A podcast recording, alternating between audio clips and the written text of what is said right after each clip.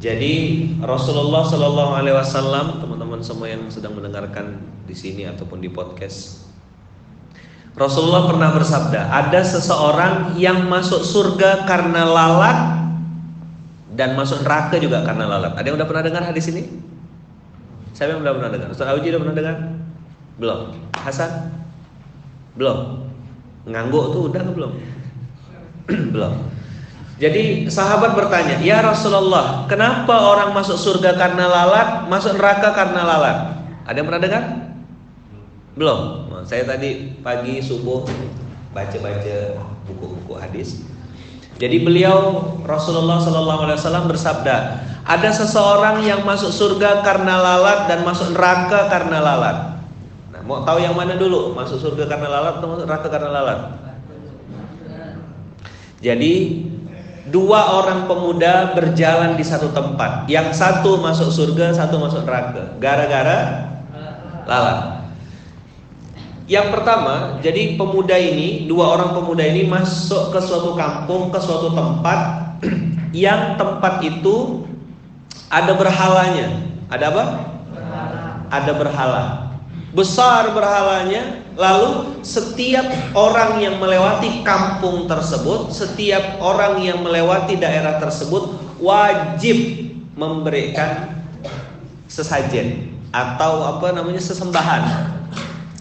Lalu penjaga dari kampung tersebut mengatakan, kalian tidak boleh lewat kampung ini kecuali harus memberikan persembahan. Lalu si pemuda yang pertama bilang, saya tidak punya apa-apa. Tidak punya harta, bukan orang kaya. Saya ini apa musafir dengan jalan yang sangat jauh. Lalu si penjaga kampung tersebut mengatakan, berkorbanlah, berikanlah sesembahan, walaupun hanya seekor lalat. Lalu si pemuda yang pertama ini bilang, oh kalau cuma lalat sih tak apa-apa, kan kecil. Daripada saya kurbannya kambing atau unta, yang lain-lain itu kurbannya unta. Jadi di sekitar sesembah apa berhala besar itu ada unta, ada kambing, ada macam-macam. Dia bilang kalau saya sih cuma disuruh lalat, alah gampang. Dia cari lalatnya, dia tepuk. Matikan lalu tunjukkan. Nih persembahan saya. Dah, akhirnya dia selamat dari kampung berhala tersebut boleh lewat. Pemuda yang kedua, pemuda yang kedua datang dan lewat Lalu dikatakan berkurbanlah walaupun dengan seekor lalat. Dia bilang saya tidak mau mempersembahkan sesuatu apa pun kecuali hanya untuk Allah. Kamu dihukum pancung, tidak ada urusan. Biarlah saya mati daripada saya menyembahkan sesuatu untuk selain Allah. Akhirnya si pemuda yang tadi kedua ini menentang dan tidak mau berkurban dihukum pancung, terpisahlah kepala dengan lehernya.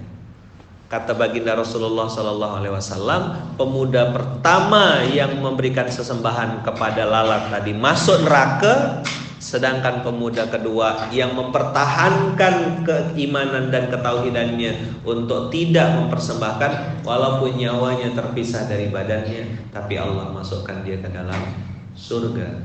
Yang satu masuk surga karena lalat, yang satu masuk neraka karena lalat. Teman-teman semua, hadis ini pelajarannya mahal sekali buat kita semuanya.